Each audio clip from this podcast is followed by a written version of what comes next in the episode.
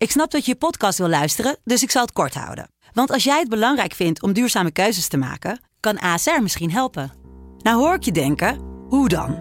Nou, bijvoorbeeld bij het duurzaam herstellen van schade. Of de premies die we beleggen volgens ons duurzaam beleggingsbeleid. Dat bepaalt waar we wel en juist niet in investeren.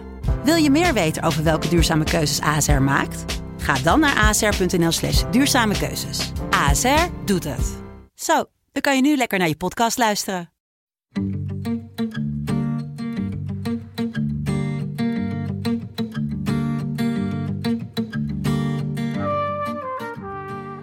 Thomas zag er echt zo zwaar afgepeigerd uit. Daar was ik ook wel een beetje van geschrokken, uiteraard. Nou, dat valt wel mee. Dat valt wel mee, toch? Dat eh, kan je niet onderuit. Ik vind het eh, fascinerend. Ze, ze kunnen gemasseerd worden en alles. Ik heb een beetje uitslapen. Dat vind ik eigenlijk wel relaxed.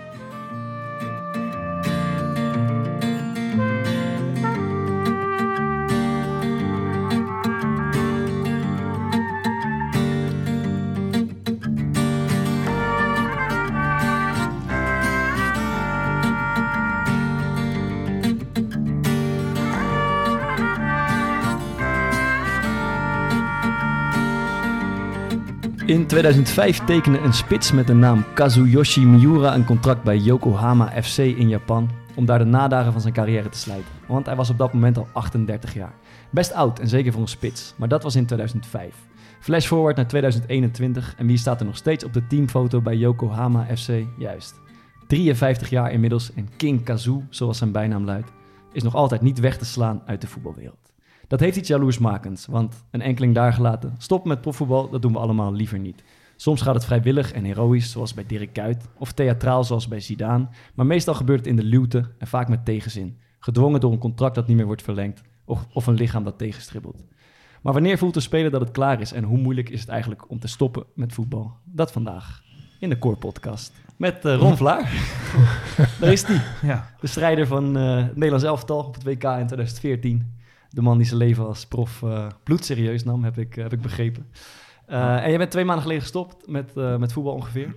Eh, per direct. Ik vroeg me af, Ja. wat, wat doet een man die heel zijn leven profvoetballer is geweest? Wat, wat, wat doet hij eh, tegenwoordig? Nou, ik voel vooral veel ontspanning eigenlijk. Vooral in mijn lijf. Ik kan eh, genieten van eh, hele andere dingen. Ik denk als eh, topsporter eh, ja, zet je eigenlijk elke dag je lijf vol onder stress. Ja, dat is nu volledig weggevallen. Eh, mijn lichaam eh, reageert er ook eigenlijk heel goed op. Ehm, ja, daar geniet ik van.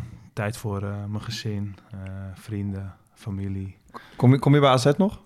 Jazeker, ja, ja, absoluut. En je traint ook nog bij, eh, want ik, ik was even bij Hans Kroon gaan revalideren en ik was een tijdje niet geweest. Toen kwam ik daar en toen eh, zag ik tot mijn grote schrikbeeld dat ik eh, gelijk met Ron Beton moest gaan trainen. Ja, Ja, we, hadden- we, we gingen, we gingen vorige week opnemen. En Ja. Hans Kroon is een, eh, ja, een soort eh krachttraining guru in Rotterdam... waar heel veel voetballers lopen. ja.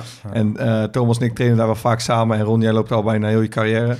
Ehm, Maar we gingen vorige week opnemen en Thomas zag er echt zo zwaar afgepeigerd uit. Maar hij was aan het verhuizen. Dus ik zeg, is die verhuizing niet zwaar gevallen? Hij zegt, nee, godver. Ik kom net bij Hans, zie ik Ron Vlaar op de fiets zitten.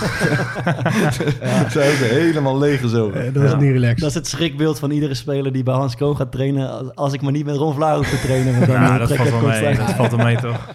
Moeten we het nog over het voetbalweekend eh, hebben? Paasmaandag. Paasmaandag. Ja.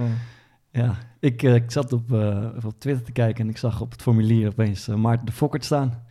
Ik Niet alleen als nummer 1 keeper, maar er stond ook een C'tje achter zijn, Ja. achter zijn naam. Oh, dat, dat wist ik niet. iemand, Nee. op, iemand op Twitter suggereerde dat dat de C van Core Podcast was. Ja, daar leek het wel op.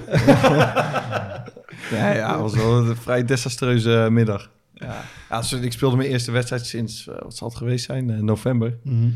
Dus dat was, eh, ja, dat was natuurlijk lekker. En we speelden uit bij de toekomstige kampioen, eh Cambuur. En we deden een uur echt supergoed. En het stond, het stond als een huis achterin, er stonden twee in voor. Ja. Dus ik, ja, ik keek op een gegeven moment ook op de klok. Ik denk, nou, is nog een klein half uurtje. Dit gaat echt de goede kant op. toen bleek dat huis een kaarthuis. Ja, ja het stond als een kaarthuis, ja. Ja, echt, echt bizar. Maar we hebben 7-2 verloren nog. En ik heb zelf ook geen lekkere tweede helft gespeeld. Dus ja, was, ik had me anders voorgesteld om weer eens een keer eh, onder de lat te staan. Wat, Ja. wat was de reden dat jij weer eh keepte deze wedstrijd? Eh, keeper was geblesseerd.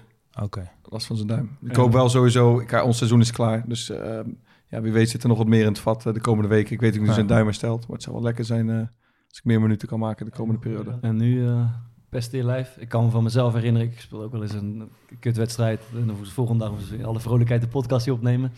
Kost toch een beetje moeite. Ja, het- weer- je, je merkt wel dat gewoon je hele...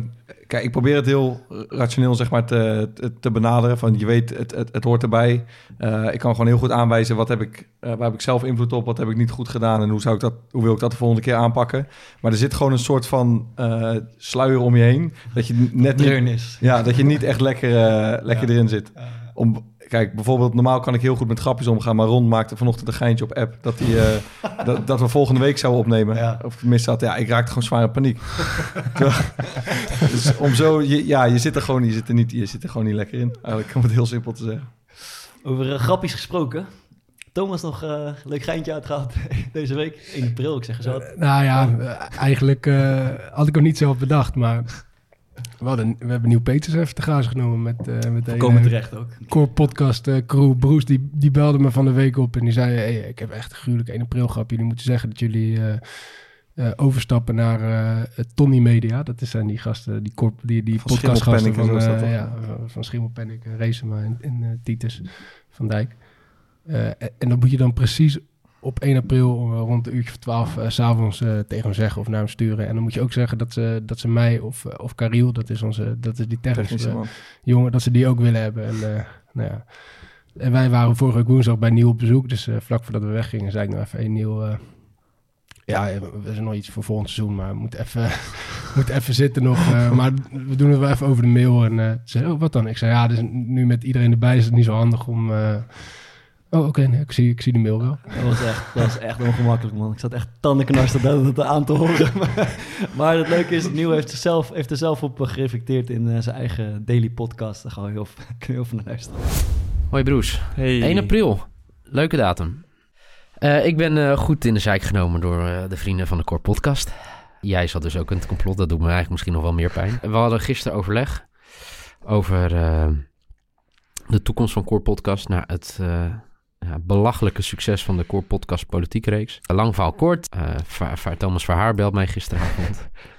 Ja, eh, eh, ja, je gaat een mail krijgen. Ja, ik weet niet hoe ik het eh, moet zeggen, maar ik vind dat ik het tegen je moet zeggen. Je gaat een mail krijgen van eh, Maarten de Fokkert. Ja, we gaan, eh, we gaan weg. We gaan naar een eh, andere eh, podcast, eh, podcastproducent. Nou ja, Maarten legt het je verder uit. Ik, eh, ja, ik wil er ook niet verder over praten. Je ging zo slecht. Ik ging zo slecht, ja. Je ja. praat nu echt rustig voor hoe je was. Ja, ja maar het, het is, ik heb het dus nog teruggelezen, het hele appgesprek. Maar het, het, het kloten aan dit hele gedoe was... dat jullie ook gewoon nog het erger gingen maken. En hoe dan? Ik lag in bed, kon niet slapen. En, eh, Ik kon er echt om lachen. ja, jij vond het vervelend. Vanochtend kon je erom lachen. Nee, ja, ik kan er nu. Ik vind het fucking goed uitgewerkt ook. Ja, jullie, jullie willen het nog veel erger maken, toch? Dat ik een mail zou krijgen van een andere podcast. ja, ja, ja, dat was leuk geweest. Ik vond het best een leuk geitje. Hij, hij vond het zo erg dat hij zijn telefoon niet eens opnam. Nee, Toen we met dus om 12 allen, uur belden we met z'n allen in zo'n eh, appgesprek. Dan zeggen we van 1 april, maar hij weigerde op te nemen. Oh Ja, ja. en toen heeft hij nog tegen Broes en, en Frank, die werkte ook, gezegd van ja, dit kunnen jullie echt niet maken. Jullie weten hoe kut ik dit vind. En eh, Dat is goed geslaagd in ieder geval. We hadden bij eh, Sparta bij ons ook op 1 april. Eh, we hebben altijd een, eh, een meeting, zeg maar, voorafgaand aan de training. Met, eh, of zo, soms hebben we een meeting. En nu hadden we opeens, stuurde de teammanager in de, in de app eh, om half tien eh, een meeting. Dat is net een vervelende tijd. Dat mensen, sommige mensen zitten te kaarten, sommige mensen zitten in de sportschool, sommige mensen zitten net te ontbijten. Dat was net de kuttijd. Dus wij allemaal, wij dru- druppelen allemaal in die, in die zaal binnen, een mondkapje op, gaan netjes zitten. En eh, ja, de hele trainerstaf die, eh, die hoort daarbij te zijn, maar die waren in geen velden of wegen te bekennen. en dat duurt dan vijf minuten, zes minuten, zeven minuten, op, op, een- totdat iemand zegt van, tering, het is natuurlijk 1 april. En iedereen gaat zich gelijk klaar mee opstaan, weg. En dan stond dan, terwijl we wegliepen, stond de trainerstaf dat hele tafereel te filmen om, om onze reactie te zien. Dat was dan weer ook, eh, dat is ook Sparta. Dat was ook spannend. ja, ik, ik heb dus ooit een keer, eh, eh, ik weet niet of je, hebben jullie Streetlab wel eens gezien? Eh, en daar heb je zo'n gozer, uh, Nits noemde hij zichzelf. Ja. Eh, Stijn, ik weet even zijn achternaam niet. Maar die, eh, die was toen, toen bij FC Utrecht eerst, eh, was hij stiekem gaan meetrainen.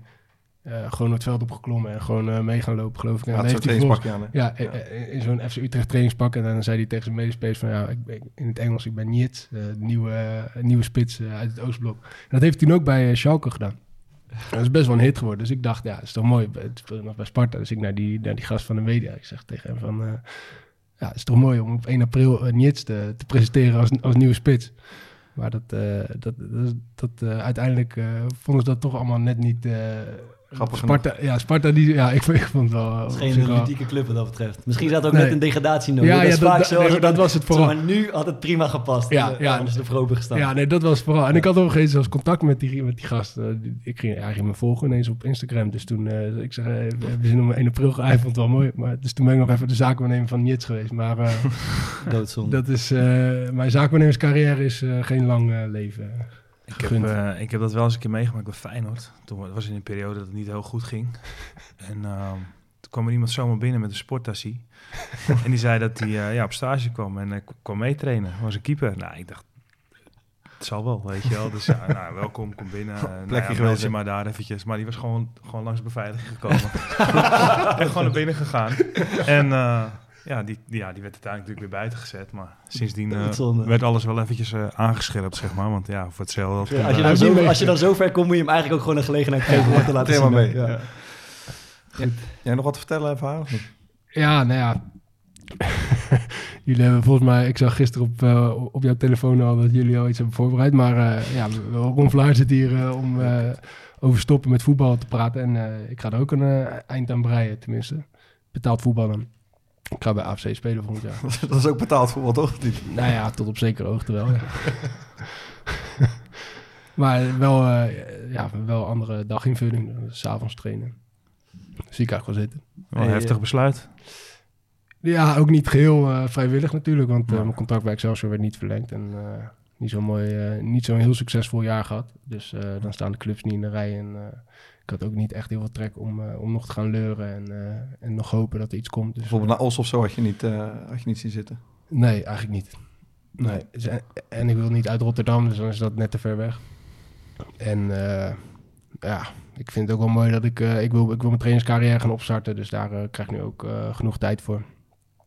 Dus dat, eh, ja, dat zie ik eigenlijk wel zitten. Vond ik wel heel mooi. Eh, Zowel Sander Fischer als Luigi Bruins had de afgelopen week stoppen ook allebei met voetbal. Een hele gelikte video gemaakt waarin ze nog even terug, terugblikken op hun tijd bij Excelsior. Dat, daar zitten we eigenlijk bij jou op te wachten natuurlijk. Ja, jullie hebben er één gemaakt terugblik wordt dat wel, Jullie hebben er één gemaakt, dacht ik. Dus eh, kom, Nee, kom maar door. Ja, we, we zijn natuurlijk even... Zijn er veel beelden van? Of, eh, Nee, bij Excelsior was niet mijn meest de succesvolle... Maar goed, er zit hier iemand anders aan tafel die daar ook, ook rustig over mee kan praten. Ja. Dus, Nee hoor, we hebben een, inderdaad een kleine video. Want we hebben wat oud-teamgenoten bereid gevonden om iets aardigs over je te zeggen. Waaronder je oud-trainer Ricardo Moniz en Michel Breur. Een klein stukje. Thomas, prijs waar ik ben. Ik ben op het veld waar ik geen illusie heb dat ik op mijn leeftijd jou ga verslaan. Ik ga je wel weerstand bieden. Jouw eh, loyaliteit, jouw eerlijkheid, jouw liefhebberschap is een groot voorbeeld voor iedereen. Blijf in het voetbal. Bescherm de linksbenige nummer 10's, de schilders. En nogmaals, ik heb geen illusie, maar ik wacht op je op dit veld. Ik zit trouwens te kijken, waar is de jeugd? Computer. Nou, blijf het voetbal beschermen. Blijf eh, die liefhebber en straal dat uit. Het enige hoogtepunt wat ik heb, waar ik je nog steeds in versla. Bosloop. Voorbereiding. Verhaar. Robin Vaseline van der Meer. En Mario Johan Neijer. En ondergetekende lopen op kop. We pakken steeds meer afstand van de groep. We zien op afstand André Hoekstra, Marcus Gentile, Ronald Graafland staan. Wie, wie, wie, wie gaat het winnen? Ik voel de angst van jou en van de meer. Ik ga wegdemereren. Toen heb ik als teamspeler besloten. We gaan gezamenlijk over Berlijn. Weet je nog? Dus we kwamen gezamenlijk binnen. Maar ik voel jouw angsten van de meer. Dat ik zo weg zal lopen van jullie. Daarom versla ik je nog steeds. Blijf jezelf, blijf wie je bent. Je bent en blijft uniek. Thomas Verhaar, Ricardo. Dank je voor alles. Doei. To, Breuer hier, zoals je hoort en ziet. Bart appte me. Vroeg of ik een filmpje in wilde spreken. Omdat jij ging stoppen. Nou, dan ben je direct op je hoede. Denk je dat je in de maling genomen wordt. Kan nog steeds. Maar goed, we gaan het toch doen. Eh, je gaat ermee stoppen.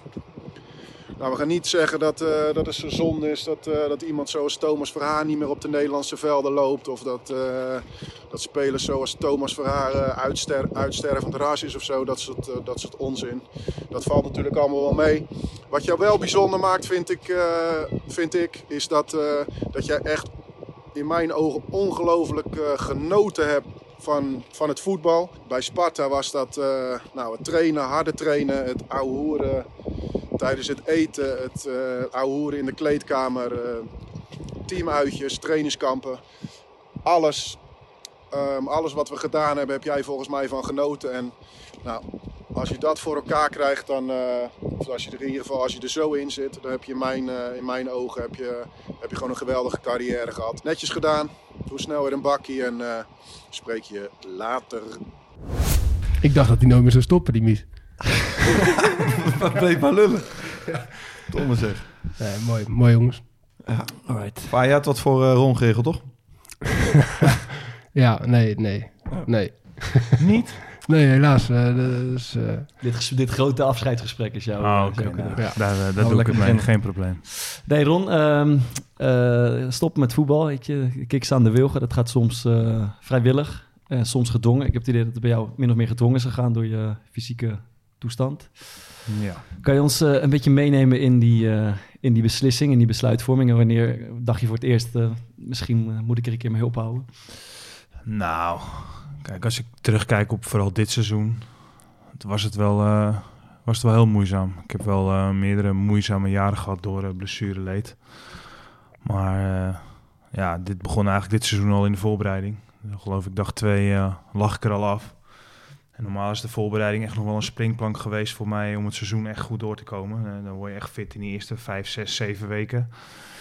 Nou, dat eh, kon ik na twee dagen al in de prullenbak gooien. En toen wist ik wel al van, nou, om überhaupt nog bij de groep te komen, conditioneel, fysiek, dat, eh, dat is altijd al een uitdaging en dat wordt nu alleen nog maar groter. Ja, dat het uiteindelijk zo moet lopen dat je stopt, omdat je geblesseerd bent, is, is zuur. Maar ik heb het wel eigenlijk altijd voorspeld, omdat ja, op het moment dat ik fit ben en, eh, en speel, dan vond ik het nog steeds zo, zo leuk. Ja, dan, dan, dan wijkt daar alles voor. En eh, ik heb bewust begin van dit seizoen, hè, toen ik fit was in die wedstrijden tegen Piels en daarna tegen Kiev.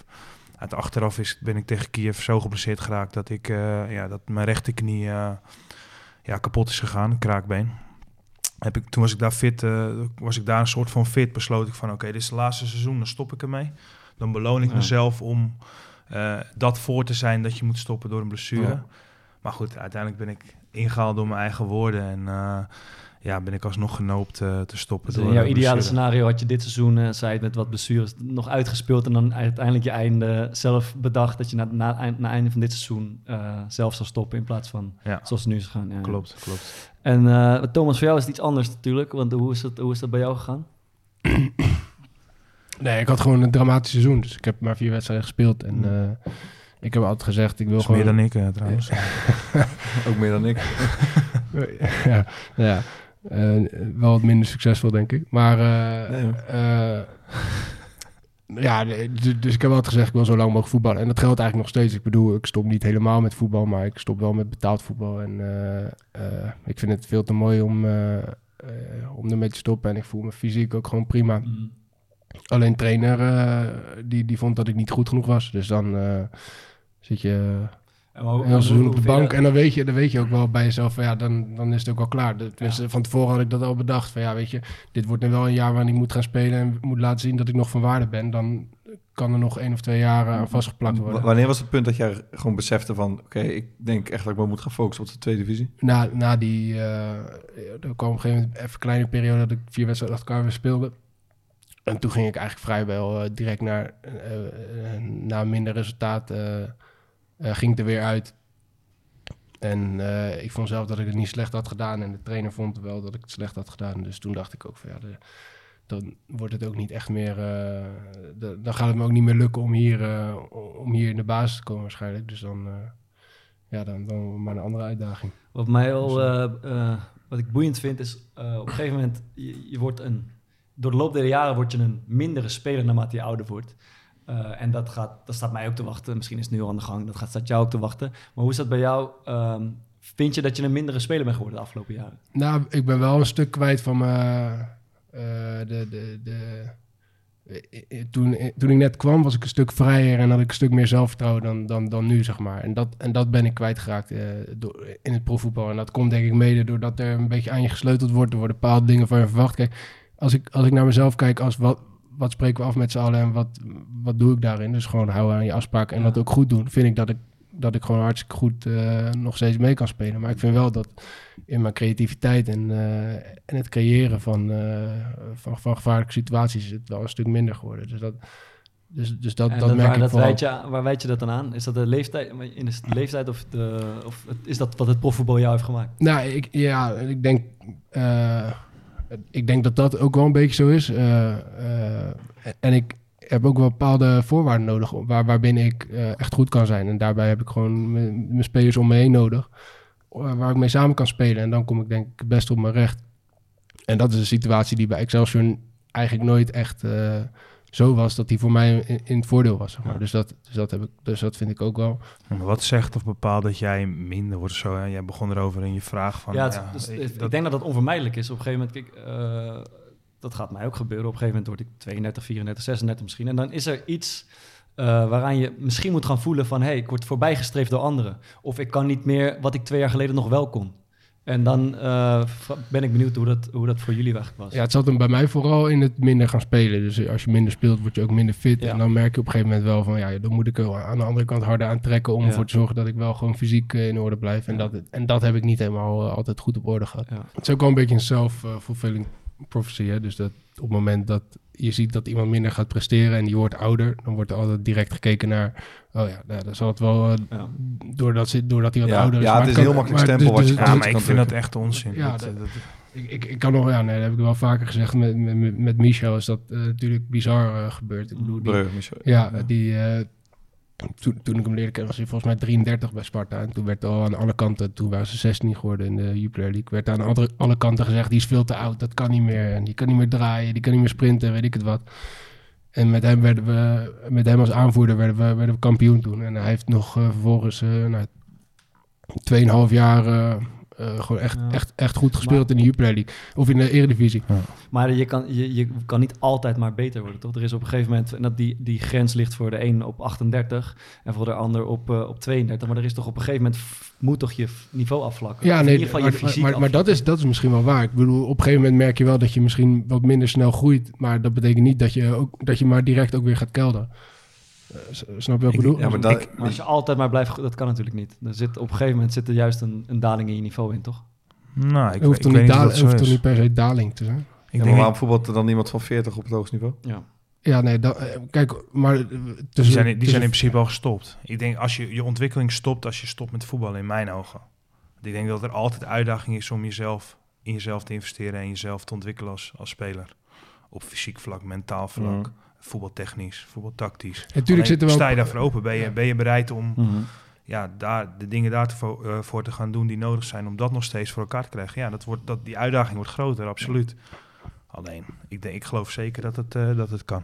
Er zit wel een bepaalde max aan natuurlijk. Dus het is ook logisch dat je, dat je wat langer doet om, om te herstellen van dingen. En dat je misschien wat minder wendbaar wordt. En, Ja, eh, dat is misschien, ik denk, eh, als antwoord op jouw vraag, Bart, dat wat Ron zegt, dat het dus dat het wel mogelijk is, maar dat er dus gewoon niet zoveel mensen zijn die bereid zijn om zich echt aan Ja. die lijst van voorwaarden te gaan houden. zeker. En is het, Ja. eh, is het u- überhaupt moeilijk te accepteren dat, eh, dat je moet stoppen met profvoetbal? Voor jullie allebei? Ehm, nou, voor mij niet. Want op het moment dat ik de keuze zeg maar definitief maakte en dat het naar buiten kwam, was het eigenlijk een opluchting. Eh, Ik, ik weet niet hoe jij erin staat, maar, maar, maar ja, ik was er wel echt aan het rouwen al of zo. Kijk, ik heb echt nog een hele goede week gehad. De eerste week na de winterstop. Toen train ik vrij en toen, ja, dan, dan heb ik zoveel plezier en dan, kan ik, dan, dan gaat er zoveel goed. En dan, ja, dan geniet je daar zo Ja. van. Alleen als je dan daarna wel weer snel een soort van terugslag krijgt of, of ervaart en voelt ja, dat je lichaam eh, heel erg aan het eh, vechten is om, eh, om, dat aan- om dat vol te houden. Ja. dan denk je ook van, ja jongens, dit is eigenlijk niet meer realistisch om, Mhm. eh, om vol te houden. Dat gaat eigenlijk nergens meer over dat je aan het joggen bent en dat je daar al reactie op krijgt en dat je, ja, dat het gewoon niet meer goed genoeg is. Ja. En eh, als je dan stopt, ja, voor mij was het eigenlijk een opluchting, zeg maar. En, en merkte ik ook gelijk, wat ik al eerder aangaf in mijn lijf, dat, het, dat, dat er heel veel ontspanning kwam en dat mijn lichaam ook direct stukken beter voelde. En eh, ja, een rondje wandelen met, eh, met mijn zoontje van vier, eh, vijf minuutjes was echt kruipend naar binnen bijna van Ja. de pijn. En nu, nu, ja, nu kan ik alweer zoveel. Dat is gewoon is heerlijk een eigenlijk. Ja, dan, dan is het alleen maar eh, een, een goede beslissing, denk ik. Ik weet niet hoe jij dat... Ja, vooral voor de, dat proces er naartoe, zeg maar. Dat is, dat is eigenlijk het kutste. Dus dat je een beetje denkt van, ja, ga, ga ik nog door of ga ik Ja. stoppen? En op het moment dat je denkt van, nou, weet je, dit is het wel. En ik wil gewoon altijd eh, plezier houden in het voetbal. En dat heb ik gedaan toen ik bij eh, VOC speelde. En, eh, en bij Sparta, Excelsior en in Kaapstad. En ik had gewoon niet echt veel vertrouwen erin dat ik dat ook weer zou hebben als ik in betaalde voetbal nog zou blijven. En of de vraag was of ik dat überhaupt voor elkaar zou krijgen. En, en ja, nu heb ik hartstikke denk, een mooie uit- uitdaging gevonden waarin ik gewoon ook weer met veel plezier naartoe kan kijken. Dus, de, ja, dus vooral zeg maar ervoor, die, die onduidelijkheid die je in je lijf hebt van ja, ik wil, ik wil nog zo graag, maar eh, ja, lukt het wel, weet je wel, dat is eigenlijk het, eh, dat is eigenlijk het kutste. Ik ben wel benieuwd, toch? Heb kijk, Ron vertelt echt over zo'n soort, ja, moet ik noemen, mentaliteitsswitch. Dat hij dus die druk valt van zijn schouders. Maar heb jij ook iets van dat er iets in je hoofd, zeg maar, Nee. omgedraaid, omdat je volgend jaar, kijk, nu is gewoon je dagbesteding is voetballen. en Nee, dat ik- wordt volgend jaar ik, natuurlijk ik echt denk anders. dat, dat Ron's karakter en mijn karakter heel erg van elkaar verschillen. Ik denk eh, dat, ik altijd heb gevoetbald eh, eh, omdat ik dat gewoon het leukste vind om te doen. En dan ben ik er ook bereid om heel hard voor te werken. Maar, dus ja, en, en ik ga niet echt stoppen met voetbal voor mijn gevoel, want ik blijf gewoon doorvoetballen, alleen op een ander niveau. En dat dat, dus, dus ja, eigenlijk hoe, hij, hoe, hij praat over met zijn lichaam bezig zijn en jezelf voorbereiden en eh, de, de voorbereiding als springplank voor de rest van het seizoen, ja, dat, zo, zo heb ik er nooit bij stilgestaan. Ik train gewoon iedere dag keihard en dan zie ik wel, eh, dan zie ik wel wat er komt, zeg maar. Dus dat, dat is een heel ander, eh, heel ander gevoel. Dus, en, en die spanning op zijn lijf, ja, die, ja dat, dat voel ik gewoon eigenlijk niet zo. Dus dat is wel, eh, dat is wel grappig hoe je dat... eh, Maar kijk je ook niet iets van anders naar gewoon het feit dat, je, dat, dat jouw je, je dagindeling echt compleet anders wordt? Ja, maar daar, daar, dat, dat vind ik eigenlijk wel relaxed.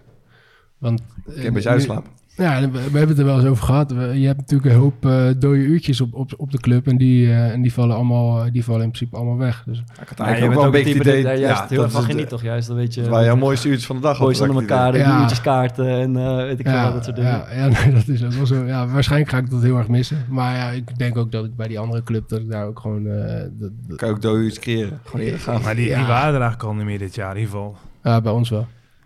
Eh, Ron, even terug naar jouw eh, bestaan als voetballer. Want als je er zo over leest, dan was je denk ik niet de gemiddelde profvoetballer. In de zin van de energie en de, ehm, de manier waarop je je vak beleefde. Eh, en ik heb vaak over je gelezen dat je leefde als een monnik. Een aantal jaar lang om bijvoorbeeld op het WK van 2014 te presteren. Kan je een beetje schetsen hoe dat, hoe, hoe dat leven als een monnik er in jouw geval uitziet? Ehm, ja, ik had heel veel structuur in mijn leven. Ik was in Engeland en op dat moment was ik alleen eigenlijk. Eh, mijn kinderen waren in Nederland. Eh, als ze er waren, was mijn moeder altijd bij. Dus ja, ik, had, ik deed natuurlijk eh, gerust wel dingen met mijn kinderen. Maar ja, ik was echt volledig gefocust op ja, fit, voeding, rust, trainen. En alles gewoon optimaal, optimaal doen. Dat het, ja, het was zoals eten was voor mij soms ook gewoon zakelijk, weet je wel. Zo- zoals? Nou ja, gewoon, eh, gewoon alles afwegen. eh, gewoon eten wat goed is voor je. Het Ik heb gehoord dat jij je eigen brood maakte. Dat klopt ook. Het Ja. Gewoon, had je gewoon een broodbakmachine staan in de keuken. Ja, ja, die had ik. eh, dat, dat was wel goed hoor, want dat rook onwijs lekker altijd eh, in de keuken. Maar hoezo deed je? Omdat dan het brood uit eh, de supermarkt Nou, niet het, het, het- was? het of- brood in Engeland was nou niet echt heel erg lekker. En ik maakte dan bijvoorbeeld gewoon speldbrood. En als familie er was, hadden we gewoon natuurlijk ook wat, eh, wat lekkerdere broden. Maar speldbrood was heel, heel, heel dik en heel stevig. Daar moest ik ook wel weer aan wennen van eh, hoeveel neem je dan. Maar ja, dat was continu een puzzeltocht. eh, een zoektocht. En, en, en ja, die puzzel heb ik gewoon weten te leggen. Ehm, ja, elke, elke dag, ook op vrijdag, gewoon het wekkertje op dezelfde tijd. Hoe laat? Ja, vaak om een uurtje of ja, kwart voor acht, acht uur. Ik weet het niet eens meer precies. En dan maar heb je, had je een soort patroon, een ritme voor jezelf. ontbijt, Oké, thuis, trainen op de club. Dan ging ik naar huis, maakte ik een hele grote salade. ja. En dan ging ik slapen. En dan ging ik er nog een keer trainen. Dat deed ik dan of op de club of thuis had ik ook veel Ja. attributen staan. Ja. Gewoon heel veel routines en heel veel ritmes. Ja. En, en gewoon om, om optimaal. Ik ging ook heel bewust water drinken. Ik wist dat het heel warm zou worden. werd ook gezegd in Brazilië bijvoorbeeld. Dus dat mijn lichaam gewoon ready was om, eh, om ja, veel, veel vocht tot je te En kunnen het was nemen. eigenlijk een proces van een jaar of twee, want je had jezelf als doel gesteld, dat, dat WK, daar wil ik zijn, daar wil ik Ja. knallen. En daar moet, eh, daar heb je met iemand of met mensen over gesproken waarschijnlijk. Daar moet dit en dit voor gebeuren. En dan ga, je, ga ik me zodanig op focussen dat het niet, haast niet mis kan gaan. Ja, de startzijde was eigenlijk voor mezelf eh, op het moment dat we terugvlogen vanuit het EK in eh, Mhm. Polen en Oekraïne. Ik zat vol energie eigenlijk. was natuurlijk een heel teleurstellend toernooi. Maar voor mezelf, ja, ik had twee van de drie wedstrijden gespeeld. Ik kwam voor mezelf nieuw in een groep die Ja. vanuit het WK al ja, gewoon eh, vast was. Ja. Ja, toen dacht ik, ja, op het WK wil ik er echt gewoon staan en echt gewoon eh, bepalend zijn. Eh, en, en, en ja, ik heb wel geleerd doelen voor jezelf neer te leggen. En ik ben automatisch de dingen gaan doen die ervoor nodig waren om die doelen te gaan halen. En, eh, Ja. en een stap was daarvoor eh, naar de Premier League te gaan, eh, in mijn geval. Ehm, ja, dat, was, dat is wel reuze interessant, ook als ik daar nu op terugkijk, zeg maar. Ik weet niet of ik het zo leuk zou vinden om mezelf nu hier op te pakken en daar weer terug in te zetten. Want het is wel een, een ja, soms misschien wel wat eenzaam bestaan of zo. Maar ja, ik, ik, ik wist waarom ik daar was en met welke doel ik daar was. En eh, ik heb daar ook echt eh, totaal geen spijt van, zeg maar. Ja, Was, was er tussendoor ook nog een beetje ruimte voor ontspanning of was het eigenlijk niet, eh, niet te doen? Ja, in de zomers. Maar goed, dan... eh, Maar niet Ja. tijdens, eh, tijdens het voetbal. Nou ja, nee. Kijk, ik, ik, ik ben bewust zeg maar niet in het centrum al gaan wonen in, in Birmingham bijvoorbeeld. Omdat ik niet in die verleiding wilde komen. Ik denk ook wel dat ik het had kunnen weerstaan. Maar ik had gewoon een, een, een huis eh, aan de Wat, wat, wat vind je dan verleiding? Bijvoorbeeld avond naar de op kroeg? stap of wat dan Ja. ook, weet je wel. En ik heb ook geen druppel alcohol eh, gedronken in die jaren. Ehm, want ik was daar met een doel. En ik, eh, en ik wist wat ik daarvoor nodig had. En dat was daar geen onderdeel van. Dus eh, Zou je dat kunnen? Nee, ja, nee. Ik, ja, ik vind het fascinerend, maar ook omdat eh, ik ben niet een hele slechte prof en jij ook niet en jij ook niet. Maar ja, dit staat wel ver van mij vandaan ook. Zo, je zo monomaan op dat ene doel eh, richten, dat vind ik, wel- ja, dat vind ik wel fascinerend. Maar het zou in mijn geval, ik kan me ook voorstellen dat het juist heel veel druk met zich meebrengt. Het moet, soms, het moet soms ook een beetje ontspanning zijn of gewoon lekker voetballen of trainen of wat leuks uit het leven halen. Tenminste, als je zo erg met dat bezig bent, zou het misschien bij mij wel heel veel druk erop leggen. Ja, nou ja, kijk, het derde jaar bijvoorbeeld in Engeland heb Mhm. ik het wel heel zwaar gehad. Toen het doel van het WK was weg. Ja. En ik liep eigenlijk leeg als een ballon. eh, van de ene kuit in de andere kuitblessure en Ja. zo. En dan is het wel heel moeilijk om je nog eh, weer aan te zetten tot, zeg maar. Maar dat WK, ik bedoel, het is wel uitgepakt zoals je had gehoopt, denk ik. Eh, want je was eh, volgens mij op de top. Dat zijn allemaal wedstrijden die wij ons als eh, Oranje supporter eh, gewoon herinneren. Dat heeft zijn vruchten, denk ik, afgeworpen. Ik bedoel, al dat Ja. lijden wat je hebt gehad, dat heeft zijn vruchten wel afgeworpen. Absoluut. Ik wil zeggen, het is wel tof. Bij, bij Hans Kroon in die gym hangt die foto zo. Hebben ze zo'n eh, Met shirt, hè? wandje met, ja ook, maar een wandje met mooie zeg maar, Ja. foto's van gasten die daar trainen. En dan heb je precies die foto van die tackle van, zeg maar, rond tegen Ja, ja, Messi. ja, ja, Die is, ja. wel, eh, Ja. Ja. Is, dat, is dat voor jou het hoogtepunt, ook voor je carrière? Niet per se die tackle, maar misschien die wedstrijd? Ja, dat eh, sowieso dat hele toernooi. Ja. Weet je, die, die, die, die 13 juni 2014 vergeet ik nooit meer. Weet Mhm. je, dat was echt, die datum stond omcirkeld en de voorbereiding ging allemaal niet goed. Maar ik dacht, het komt wel goed, weet je. Op het En moment zo- dat, dat het is moet, de- dan dat was moet de datum waarop het WK begon. of- Ja, dat was onze eerste wedstrijd Ja, tegen Spanje. ja, ja. En die, maar dat je echt omcirkelt op je kalender. Ja, van oké, eh, dan moet het dan, dan, dan is het die day, dan moet het gewoon gebeuren. En dat, eh, ja, weet je, de, mensen zeggen wel eens van ja, was, eh, ik, ik vond mezelf ook wel heel goed. Weet je, ik was, zo- ik wilde precies, het was een, bijna alles wat ik eigenlijk wilde. Ja. Ehm, ja, voor mij was het geen toeval. Zeg maar, dat hele proces daar naartoe. En voor sommige mensen die alleen dat toen is, denk ik, ja, hij steeg boven zichzelf uit en zo. Maar dat hele seizoen bij Villa. Dat is eigenlijk gewoon de logische volgende stap. Ja, het was een logisch gevolg van alles wat ik daarvoor heb gedaan. En op dat moment hoefde ik het alleen maar in te vullen. Natuurlijk ben je afhankelijk ook van, van het team. En, maar ik weet gewoon, we spelen bij Nederland. We hebben een goed team. Weet je, eh, ja, je kan geen wereldkampioen worden. Je kan geen wereldkampioen worden. Zeven wedstrijden, weet je. Het is gewoon zeven keer vlammen. Dichterbij kan je bijna niet komen. Weet je wel, zo, zo beleefde ik dat. En zo, dat probeer ik elke dag uit te stralen op het trainingsveld en in de wedstrijden die, er die er waren. En eh, ja, dat was eh, magisch eigenlijk. Ben jij zenuwachtig voor wedstrijden? Nee, eigenlijk niet. Ook voor zo'n bijvoorbeeld halve finale, kwart voor. Wat, wat, Nee. wat, wat, wat, voel, wat voel je dan? Als ik, eh, Toen helemaal niet. Omdat ik gewoon wist waar ik voor stond en waar ik mee bezig was. Meer dan ooit, weet je. Er was geen twijfel. En dat heb ik daarvoor allemaal uitgesloten, zeg maar. Weet je, er, was, er kon niemand wat, wat dat betreft in mijn hoofd komen om, eh, om me van gedachten te laten veranderen, weet je wel. En ik was altijd aan tafel ook, was ik alweer mee bezig, weet je. Dat die jongens zeiden, ja, doe ze. Maar dat maakt me ook niet uit, weet je. Uiteindelijk wil je die gasten ook meekrijgen. En- Want je was bezig met staat spelen van hier te lunch WK of zo. ja, met de wedstrijden van, Ja. hè, we, we speelden tegen Mexico, ja, die gaan we opvreten Ja, met ja. z'n allen, weet je. Zo was ik al, maar dat was, geen, was niet gespeeld of zo. Mhm. Dat sommigen, ja, daar heb je weer, weet je wel, een beetje lachen. Ja, ja. Maar ik zou er ook helemaal gek van worden op een gegeven moment. Ja, Maar, maar, dat is goed. gewoon... Maar ik Ja. geloof, ik geloof je wel echt. Ja, dat, ik dat wel. Ja, ja. maar dat is dus het hele punt. Als Ja. het oprecht is, Dan- en dan kan het. overkomt, dan Nee, maakt maar niemand uit. had daar ook enige twijfel over, weet je wel. En eh, ja, dat, dat, dat, dat ontstond gewoon. Weet Ja, je, dat was mooi. ja, super. En dan, ehm, ik, eh, wij hoorden geloof ik via Hans Kroon dat dat- dat WK eindigt eh, in een penaltyreeks, waarbij jij de eerste penalty neemt eh, en mist. Ja. Dus dat eindigt dan ook ergens een beetje pijnlijk of in mineur. Ehm, nou ja, we hebben daarna gelukkig nog die bronzen medaille gepakt in die wedstrijd. Eh, tuurlijk was dat, is dat een teleurstelling. Ehm, ja, had ik er veel aan kunnen doen. Ja, Nee, sowieso. nee, je moet hem gewoon maken, weet je. ik, Als je ik begreep eh, dat je de rest van de tijd lang niet over hebt kunnen praten over dat specifieke moment. nou, dat viel wel mee. Het is meer iets dat Ja, dat ik was bij niet- Hans, dat was Hans zelf ook. Oh, Hans ik, ik had het hier met, met, met Hans over. Ja. En ik, ik vertelde dat we, dat, dat we jou hadden gevraagd. En ik was gewoon heel erg benieuwd. Kijk, we hebben het best wel vaak over psychologische kwesties in het voetbal. En ja. je komt, ja, oké, ik kreeg gisteren een dreun. Maar je komt natuurlijk niet een, een veel hardere dreun tegen dan ja, op zo'n moment denk ik een penalty missen.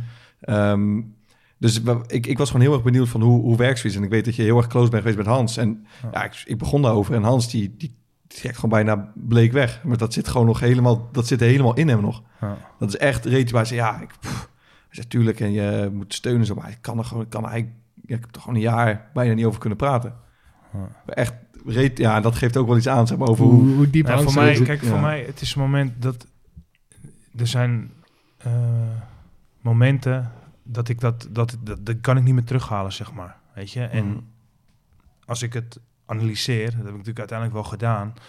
Ik heb nooit op dit podium op zo'n moment zeg maar, een penalty moeten nemen. Voor mij de wedstrijd was gewoon, ja, invulling, zeg maar. Ik wist gewoon wat, ja, weet je, je bent een team en je doet gewoon je dingen. Zo, ja, je bent gewoon goed klaar. Zo'n penalty is echt een, een moment op zichzelf die ik niet heb, echt heb kunnen trainen of waarin ik geen referenties heb eh, uit het verleden dat ik eh, een penalty heb moeten nemen in een of andere penalty-serie in de Champions League of in de Europa League of weet ik veel in de beker of zo. Dus dat was voor mij iets ongrijpbaars, weet je wel. En op dat moment dacht ik er niet aan. Maar als ik eraan terugdenk, ja, op het moment dat ik daar met die bal naar die stip loop, is eigenlijk zijn er gewoon, weet ik veel hoeveel miljard mensen die echt alleen naar mij kijken, weet Ja. je wel. Dat is, gaat besef het ook, je dat gaat het op ook dat nee, mee op dat over? moment niet, hè, dat, daar denk ik nu aan. Maar onbewust speelt het misschien toch wel een rol. Mhm. Weet je, kijk, in, in de wedstrijd doe je gewoon je ding, je, je anticipeert en je reageert. En dan ja, was het gewoon, gewoon gaan. En Ja. gewoon, ja, dan, ma dan maak je bijna geen fouten. Mhm. Ja, en op dat moment eh, was het iets nieuws eigenlijk. En ja, heb ik daar, kon ik daar niet op de juiste manier eigenlijk mee omgaan. Dat Had je, daar, had je daarop kunnen trainen op een andere manier? Ik geloof wel dat alles trainbaar is. Ehm, door vastigheden te creëren. Ja, Ik, ik heb dat wel eens eerder ook genoemd. Uh, Zidane heeft ooit zijn penalty op een WK genomen en die ging over zijn nek. Op het moment dat hij zeg maar eh, die bal neer had gelegd naar achter liep. Die moest even door zijn knieën, toen ging hij over zijn nek. Maar hij schoot wel die bal binnen, weet je. Omdat hij zoveel vastigheden had Ja. gecreëerd in, eh, in zijn aanloop, in zijn manier van schieten en noem maar op. Dat hij die bal gewoon alsnog... Dat, dat was dus ook spanning. ja. Ik kan me niet, an- niet anders voorstellen op zo'n moment. Maar goed, dat, dat, ja, dat heb ik niet. We hebben wel penalties getraind.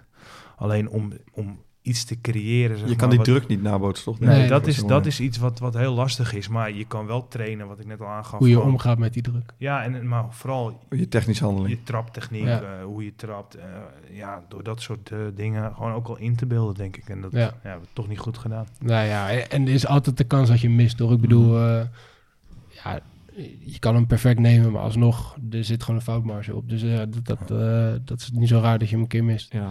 Eh, zonder te veel op dit specifieke moment in te zoomen, maar je hebt dus twee of drie jaar lang, twee jaar lang zo erg geleefd naar dat WK en dat zit er dan op een gegeven moment op, hè, na die halve finale. Wat gebeurt er dan met je? Gewoon letterlijk na die wedstrijd en, en in de weg, onderweg naar een hotelkamer. En wat, eh, ik bedoel, naar die halve finale? ja, dat het klaar is. Nou, we- de familie was in het hotel, dus dat was wel heel fijn om ze even te zien, weet je wel. Want ja, op, op dat moment kwam het niet helemaal binnen, maar de volgende ochtend had ik wel even een, echt een, een treurmoment, zeg maar. Toen heb ik ook wel tranen laten gaan eh, op mijn hotelkamer. Toen was ik alleen, dat vergeet ik ook niet meer. omdat zeg maar, mijn droom, mijn droom was echt om wereldkampioen te worden, heb ik echt alles voor gedaan en alles ingestopt en echt voor geleefd. Ehm, ja, en dat was voorbij. Alleen ik dacht wel gelijk van, oké, we hebben nog een wedstrijd. Ik wil wel gewoon met die medaille nu naar huis gaan, want dat is wel iets tastbaars wat je van je leven gewoon niet meer vergeet. Ja. Ja, en als je dan die wedstrijd weer zo af kan sluiten tegen Brazilië. Dat is natuurlijk ook wel gaaf in Brazilië tegen Mhm. Brazilië. En dan ja, 3-0 was dik verdiende overwinning. Maar ook dat we ons wel met z'n allen weer mentaal konden opladen. Ja, kijk ik natuurlijk wel met heel veel voldoening terug op dat hele toernooi. En het, het werd niet ultiem, maar het zat er ook niet ver vanaf. En niemand gaf ons een kans. We hebben zoveel gewonnen eigenlijk, weet je. Als je de beelden uit Nederland ziet, en dat gaf me zoveel energie. Dat, dat, en ik denk dat ook heel veel mensen zich konden identificeren met dat team, weet je. Over hoe wij op het veld stonden, streden. Het teamgevoel wat, er, eh, wat je echt wel zag ook. En ja, dat is zoveel waard. Dat is super gaaf. Ja, het klinkt bijna alsof, jij, eh, alsof het niet anders kon dan dat het goed ging, dat WKBO. Toch? Nou ja, wat ik al eerder aangaf, Mhm. zeg maar, voor mijzelf was het Ja. geen toeval. Ja. Maar ik wist ook, hè, een goede trainer, maar ook gewoon goede spelers. Kom, Ja. we, we spelen bij Nederland, weet je. Ja. Maar niemand gaf ons, eh, gaf ons een stuiver. Maar ik heb wel altijd geloofd in die kwaliteit. Mhm. En dat je ook weet dat een trainer in staat is om dingen aan te passen als het misschien tactisch onverhoopt een keer niet goed staat of zo, weet Ja. je wel. En ja, die samenhorigheid in de hele groep met de staf erbij, dat, was, dat is iets unieks wat ik nog niet vaak heb meegemaakt, zeg maar, in, eh, in het voetbal. Zo'n wedstrijd als tegen Spanje, dat moet toch ook echt als, als drugs werken, denk ik. Absoluut. Als je Ja, zoiets maar- doet, want dan ga je... Ik denk dat... Kijk, Het wordt ook eh, daardoor je- versterkt, denk ik. Want jij bent mentaal dan waarschijnlijk... Jij, jij zit in zo'n focus dat je de hele tijd al gericht bent op dat eindresultaat. Maar ik kan me ook voorstellen dat er veel gasten bijlopen die eh, wel hopen dat het goed gaat. Maar ja, die niet misschien heel bewust al bezig zijn met het winnen van zo'n titel. En als je dan vervolgens Spanje gewoon echt zeg maar, van de mat veegt... Ja, dan ook- krijg je ineens het gevoel van wat de fuck. Ook als, als de we dit tweede helft, kunnen, hè? Want de eerste Ja. helft was Ja. gewoon eh, Ah, die eigenlijk... kopbal natuurlijk. hè. Ja, ja, maar die kopbal was gewoon de, de, de ommekeer. Ja. Want daarvoor vond ik dat Spanje gewoon... eh, Nee, eerste helft altijd wat moeilijk. Ja. Hè, we, we hebben wel de eerste hele goede, grote kans gehad. Ja. Via Snijden, één op één. Ja. Ehm, ja, vlak voor rust maken wij 1-1. En twee minuten daarvoor krijgen ze natuurlijk een mega kans op 0-2. Ja. dat had heel anders kunnen lopen. Maar ja, we scoren die gelijkmaker. En ja, ik, die, die wedstrijd was eh, vorig jaar een keer in die, in die eerste lockdown een keer op tv. Ja. En dus, ja, dan kijk ik ook wel. Hè, ik weet nog in de rust. eh, het was rust en ik liep naar binnen. En het was alleen maar energie uitstralen. Alleen maar eh, die vuistballen. En, Genoot je van je, van je eigen spel toen je er terugkeek? ja, wel. Want, het, want kijk, Diego Costa was toen spits. Mhm. En ja, die, ik vond hem heel arrogant. Mhm. Weet je, hij dacht, hij wandelde ons wel even voorbij, weet je wel. Maar Ja. ik, ik, ik maakte in de eerste minuut gelijk een overtreding. Dat is niet echt iets per se wat bij mij past. Ja. Maar ja, ik pakte hem gelijk aan. Ik liet gelijk weten dat ik er was. En ik wilde ook daarmee een signaal afgeven aan de ploeg. Van, hé hey, jongens, we gaan gewoon eh, volle bak geven hier. En eh, ze komen er gewoon niet aan. Ja. En zij hebben zoveel kwaliteit dat zij dat, dat natuurlijk ook wel doen. Dat hebben ze ook laten zien. Hè. De, de penalty was een klein beetje ongelukkig. Ja. Ja, we scoorden op de juiste momenten. Eh, Na rust, eh, ja, dat wel 7-8-1 kunnen worden misschien wel. En dat, zo dat maakbare van je eigen successen, zoals je het eigenlijk vertelt, is dat iets wat je ook wat je bij de nieuwe generatie spelers ook terugziet of juist mist? Ehm, nou ja, toen ik, eh, als, toen ik jong was, jonger was, ik ben niet heel oud nog, laat het maar even zo zeggen. Dan, eh, toen ja, was ik daar ook niet zo bewust mee bezig. Mhm. Ik was wel bewust bezig met trainen en investeren in, in de gym en zo. Maar ik zou het leuk vinden en ik zou het mooi vinden als ik jongens daar wel bewuster van kan maken. Want als je dat op jongere leeftijd al creëert en die tools aangereikt krijgt om hè, daar bewuster mee bezig te zijn Ja. met je ontwikkeling. Ja, dan eh, denk ik dat je op de goede weg bent. Wat, wat is er voor jou nodig om op het allerhoogste niveau eh, te kunnen spelen? Ehm, nou ja, je moet ook wel een bepaalde kwaliteit hebben Mhm. natuurlijk. Maar als jij zeg maar hè, een spons kunt zijn en ja, de- ik weet niet hoe jullie dat ervaren, maar er zijn altijd wel mensen die wat eh, te bieden hebben, zeg maar van ah, je zou dat eens moeten doen of een fysio of een masseur of weet je, ik heb heel veel aangepakt of heel veel geprobeerd en eh, ook met voeding en noem maar op, maar en dan ja, niet alles is goed voor me geweest of wat ik denk van hé, hey, daar heb ik wat aan, dat neem ik mee en de rest laat ik gewoon gaan. Ja. Gewoon proberen echt leergierig te zijn en gewoon eh, op zoek te gaan naar de juiste puzzel. Maar de juiste puzzel is natuurlijk nooit gelegd. Want wat gisteren goed was, ja, is vandaag misschien al achterhaald. Ja, dat is een continue eh, zoektocht naar ja, perfectie. En dat is natuurlijk een utopie. Maar dat is wel hoe ik het beleefd heb. Ja. Van, van wie heb je het meest geleerd?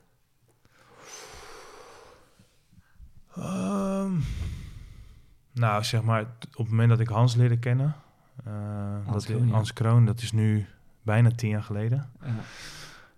Ja, zeg maar het fysieke, eh, de intensiteit, eh, maar ook daaraan gekoppeld het mentale, wat me dat heeft gebracht. Ja, dat is wel echt super veel geweest. Ja.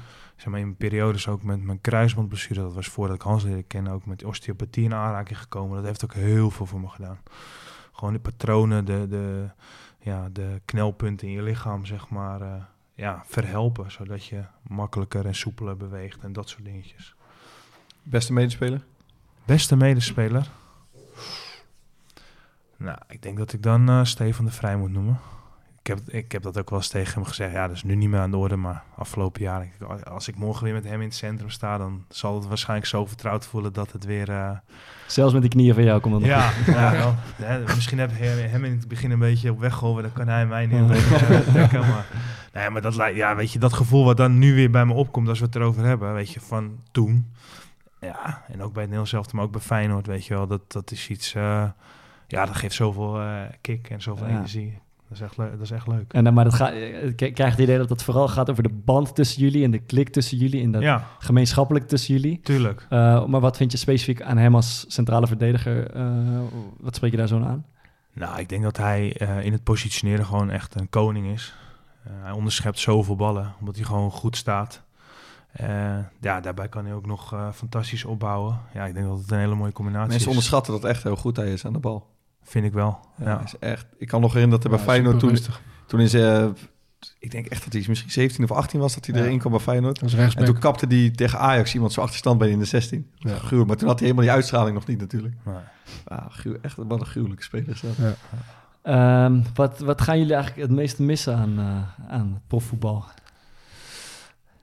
Nou, voor mij denk ik toch wel het team, teamproces, zeg maar, om samen echt ergens naartoe te werken, weet je. En dat je daar dan zelf natuurlijk je steentje aan bij kan dragen.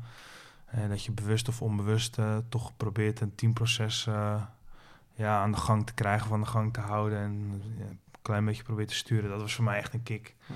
Om daar eh, onderdeel van te zijn. En dat ga ik wel missen, denk ik. Maar ja, misschien dat ik dat als trainer nog eens een keer kan, Ja.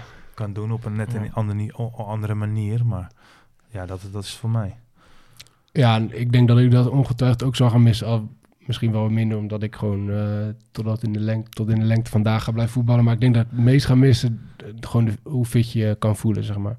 En toen bij Sparta, toen wij twee keer in de week twee bij... eh, Michel twee jaar. Nou ja, ja, nou ja de, de intensiteit is wel lager dan, dan, dan, dan, dan dat die ooit was toen ik in de Eredivisie voetbalde. Dus, dus ja, ik denk dat je daar wel op een bepaalde manier eh, verslaafd aan... Bijvoorbeeld dat Ron nog steeds bij Hans Kroon komt. eh, eh, je, je raakt denk ik toch wel verslaafd aan die fysieke inspanning en hoe je je daarna voelt. Dus dat... eh, Grappig dat geen, geen van jullie beiden zegt gewoon eh, het, het spelen voor het publiek, wedstrijden winnen, doelpunten maken. Ja, maar ja. de ontlading, dat soort dingen, dat zou ik het meeste gaan missen, denk ik, als ik zou stoppen. Gewoon die spanning van naar een wedstrijd toe leven en het dan met elkaar flikken en dan van het veld afstappen, dat gevoel. maar maar dat ga ik niet, daar ga ik niet mee stoppen. Dus dat, dus dat, Dat is waar, maar er is natuurlijk er is wel een verschil in, in, in sfeer en, en atmosfeer in een, in een stadion van 10 of 50.000 man Ja, dan eh, bij AFC, toch? Ik, ik heb dat nooit zo eh, ervaren toen, Mm. eh, toen ik bij de amateur speelde en bij Sparta. Ja, natuurlijk komt er iets meer bij kijken, maar het blijft uiteindelijk blijft het gewoon hetzelfde. En op het moment dat je aan het spelen bent, dan merk je in principe bijna niet eens dat er...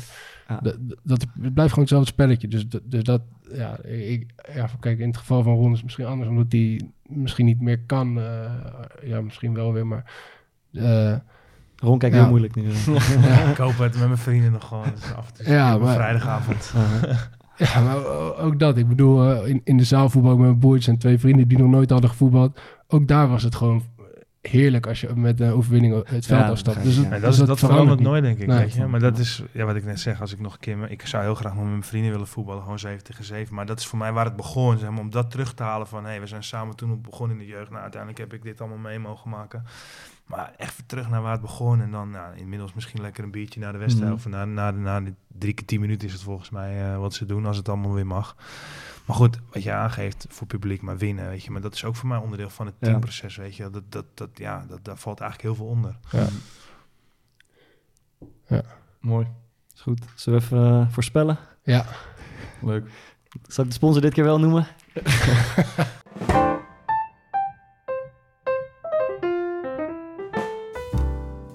voorspel. Voorspelspel. Easy Toys, daar zijn ze weer. Easy Toys, voorspel, voorspelspel. En we gaan deze week eh, even voorspellen eh, wie wij denken dat de eerstvolgende voetballer is eh, die de kiks aan de wil gaat hangen. Ik na denk- Thomas en Ron. Ik denk Arjen Robben. Ja, je gelooft er niet meer in. Ik denk dat het klaar is aan dit seizoen.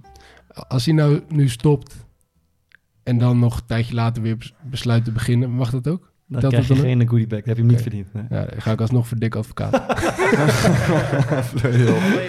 Netjes, netjes. Ja, zeker.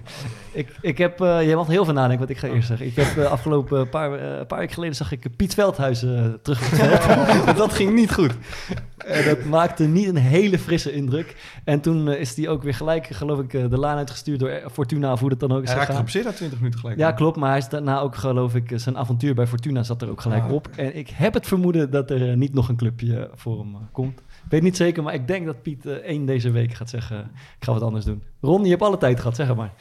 Ik heb wel een goede.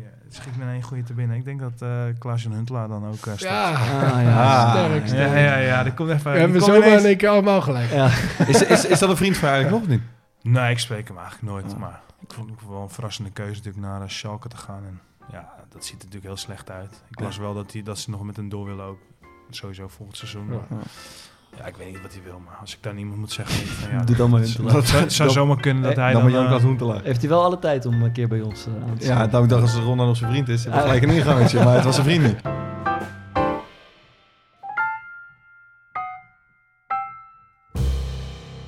Tot slot, uh, de aanraders van de week. Uh, en ik ben benieuwd, Ron, uh, wat jij onze luisteraar wil meegeven. Nou, waar ik zelf heel veel aan gehad heb, is een boek van uh, Bouke de Boer. Ik kan de wereld veranderen en jij weet wie ik is. Uh, ja, als jij iets wilt met je leven, maar je weet niet hoe, dan is dat echt een aanrader om te gaan lezen. Dat heeft voor mij heel veel handvatten gegeven. Um, ja, door, uh, ik heb het wel eens vaker genoemd, misschien als, je, als ik dat nu zeg, dat jullie het wel uh, zoiets kunnen herinneren. Maar uh, voor in de bus gaan zitten, weet je, neem de, handen, neem je, neem de stuur in eigen handen. Ja, zit je voor in de bus of zit je achter in de bus, laat je alles gebeuren. Nou, dat is dan een heel, heel waardevol boek om, om te lezen. Is dat ook het boek wat je aan het lezen was in het vliegtuig onderweg naar Brazilië? Nee, die had ik toen al lang gelezen. Maar er was, er was, ik las iets dat je een boek las onderweg Oh. naar Brazilië, wat, jou, wat, je ook, wat een bewuste keuze was. Kan ik, nee, dat, dat, dat Biografie van Dirk Kuyt. nee, dat weet ik niet meer wat ik toen aan het lezen was, eerlijk gezegd. Oké, okay, dan uh, laten we het. Ja, laten ik kan, ja, ik kan je geen uh, goed antwoord geven hierop eigenlijk, sorry. Goed geprobeerd, Bart. ja. um, zou ik uh, verder gaan? Ik werd gewezen op de Netflix-documentaire Seaspiracy. Hij is me voor.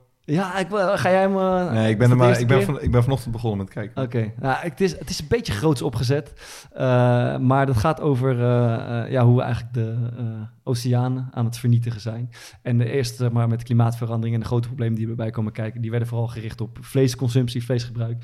Waarvan uh, ik ben bijvoorbeeld veel minder vlees. Jij eet helemaal geen vlees. Maar waarvan ik wel eens dacht van... Ik mag ook geen vis meer van. Nou ja, waarvan je dus dacht van... Nou, ik dacht, nou ja, zombie kan nog wel. Of een tonijntje, weet kan je. dus ook niet meer. Nou, God. na het zien van deze documentaire... die nogmaals een beetje alarmerend is opgezet... maar denk je wel... Er is ook in die visserij nogal wat aan de hand. Dus ze zijn echt, uh, uh, ja, ze schetsen hoe daar allerlei corrupte maffiapraktijken plaatsvinden, maar ook hoe we gewoon die hele oceaan aan het leegroven zijn in een moordend tempo. Niet alleen door alleen maar doordat er zo tering veel plastic in die zee ligt, maar vooral doordat die enorme vissers, uh, commerciële vissersbedrijven die godganse oceaan leeg, uh, leeg vissen. En dat is uh, best, ja, daarvan ga je wel denken van, nou, zal ik vanavond uh, een keer wat We moeten dan met jouw wedstrijd uh, passen. ja, dat wordt een groot probleem. Dat wordt een groot probleem. Nee, ik, ben, ik ben nog niet helemaal om, maar ik denk dat het voor mensen wel de moeite waard is om, om naar te kijken, omdat het toch best wel uh, schrikbarend is. Ik ga hem even checken. Ik heb mooie interviews gelezen met uh, Stanley Menzo deze week in het Ja. Volkskrant uh, magazine. En Parool, hij, toch? Huh? Nee, Volkskrant Nee, ja, goede foto ook. Van. Ja, de- dat trok maar dus. Want dat magazine lag bij mijn ouders op tafel. En dan zie je Stanley Menzo in... Ja, met daar zijn uh, standen, tussen, ja. maar echt als een soort gangster staat hij erop. Dus die foto's pak me heel erg aan. Maar uh, hij is natuurlijk de, de vliegende kiep, die had het genoemd. Maar hij blijkt dus echt een, een vliegbuffet te hebben. dus hij is hobbyvlieger. Uh, hobbyvlieger. Ja, maar het is, het is een hartstikke mooi interview. Het gaat over hoe hij uh, in zijn periode heel vaak racistisch bejegend werd. Mm. Maar dat het toen echt nadan was om daar iets over te zeggen. Hij is gewoon serieus dat wedstrijden... Je hebt toch wel eens dat voor de wedstrijd van die confetti-kanonnen worden geschoten... en dan moeten ze dat wegscheppen. Dat bij hem dus gewoon zijn 16 vol lag met bananen. En dat is dan Ja. die wedstrijd nog niet kon beginnen... omdat het weggehaald moest worden. En zulke dingen. En ook hoe... ehm eh, voor mij is het, het SLM, heet dat? Dat is die vliegtuigramp Ja, van ja, het... ja, ja. ehm, ja, en hij kende... eh, bijvoorbeeld een van zijn beste vrienden was de tweede keeper daar. Die kende die. Die had op, op die vlucht gezeten. Ehm, en dan hingen de spandoeken van Stanley had in dat vliegtuig moeten zitten. Maar zulke dingen. Ja, Ja, het vlieg, Stanley heeft het vliegtuig gemist. Zulke spreekhoren. En dat was toen blijkbaar ehm, ja, de gang van zaken. Maar dat Henk is- Vrezer had, eh, die heeft ook afgezegd voor dat Interland, volgens mij. Die had Oh. er ook in eh, kunnen zitten. Ja. Zag ik laatst. eh, Ja. Fucking heftig verhaal. En eh ga het lezen. Ik heb eh, een filmpje van, van, van, Nick Cave. Nick Cave is een artiest. En hij heeft een paar jaar geleden zijn 15-jarige zoon eh, verloren. Die is eh, van een eh, rots gevallen vlakbij hun huis. En eh, hij heeft daarna een album geschreven. En besloten de, opnames van die album eh, volledig te laten volgen door een eh, Australische regisseur. En eh, ja, daarin worden al die nummers eh, eh, laten zien. En komt hij nog een beetje aan het woord. En voor mij het mooiste stukje zit hem in dat ze het op een gegeven moment hebben over de, de kunst van dingen die toevallig ontstaan. Dus dat ze al, van tevoren kunnen bedenken en kunnen opschrijven. Maar dat eh, hij en zijn eh, muzikale maat Warren Ellis eh, zorgen dat de condities perfect zijn. zodat er gewoon muziek ontstaat, zeg maar. En dat laat ze dan zien hoe ze dat doet. En dat vind ik eigenlijk al- altijd wel interessant. Want in het voetbal ben ik natuurlijk ook extreem geïnteresseerd in de creativiteit, dus het ontstaan van dingen. En ik denk eigenlijk ook dat daar dat alles veel te veel ja, een beetje voorgekoud wordt. En eh, dat je juist de, ja, de, de condities zo moet hebben dat er bepaalde spelers, eigenlijk iedereen, gewoon eh, ervoor kan zorgen dat dingen zomaar een keer ontstaan. Want je kan niet alles, eh, je kan niet alles voorspellen. Dus eh, dat is mijn eh, Nick Cave, eh, One More Time with Feeling heet. Mooi. Als jullie zo naar eh, Ron Vlaak kijken, wat, wat zou die man in godsnaam voor muziek luisteren? Ik, Ik weet, zou ik, het echt niet weten, ik zeg het je. ik, ik denk wel dat als hij opstaat, dat hij dan yoghurt eet met eh, grind erin. En dan Paul Elzak op de Als ik zo naar hem kijk. En dan Paul Elstak aan. Je hebt gelijk. Stoeptegels als kussen. Ligt lekker hoor. ja, ik eh, moest daar wel even over nadenken. Maar uiteindelijk eh, heb ik eh, gekozen voor Eminem, Lose Yourself. Lekker. Omdat dat eh, nummertje ehm, ja, elke keer wordt opgezet vlak voordat we naar buiten gaan eh, met AZ. Ah. Gingen. Misschien nog steeds. Ik ben er al een tijdje niet bij geweest. Maar ja, dat gaf wel eh, heel veel energie. En eh, ik heb ook een goede herinnering aan natuurlijk. eh, aan vorig seizoen sowieso nog wel. En eh, nou ja, dit jaar zijn we toch ook wel weer goed onderweg. Dus vandaar. Vet. Mooi. Gaan we eruit met M&M. Eh, ik wil je bedanken. Graag gedaan. En jullie gaan eh, nog even trainen bij Hans. Ja. De pijn Je moet gisteren, haasten, eh, jongens. Wegbolken. Boys. Hans ja, we moeten gaan. Kom, hup, hup. Oh ja, hoeft Eh, natuurlijk niet. Groetjes. luisteren. Hoi. Mazzel. Look, if you had one shot, one opportunity seize everything you ever wanted one moment, would you capture it? Let it slip. Yo. His palms are sweaty, knees weak, arms are heavy. There's vomit on his sweater already. Mom's spaghetti, he's nervous, but on the surface he looks calm and ready to drop bombs. But he keeps on forgetting what he wrote down. The whole crowd goes so loud, he opens his mouth, but the words won't come out. He's choking how? Everybody's choking now. The clock's run out, time's up, over, plow. Snap back to reality. Oh, there goes gravity. Oh, there goes choke. He's so mad, but he won't give up. Daddies, he know he won't have it. He knows his whole back to these ropes. It don't matter. He's dope. He knows that, but he's broke. He's so stagnant. He knows when he goes back to this mobile home. That's when it's back to the lab again, yo. This old rhapsody better go capture this moment at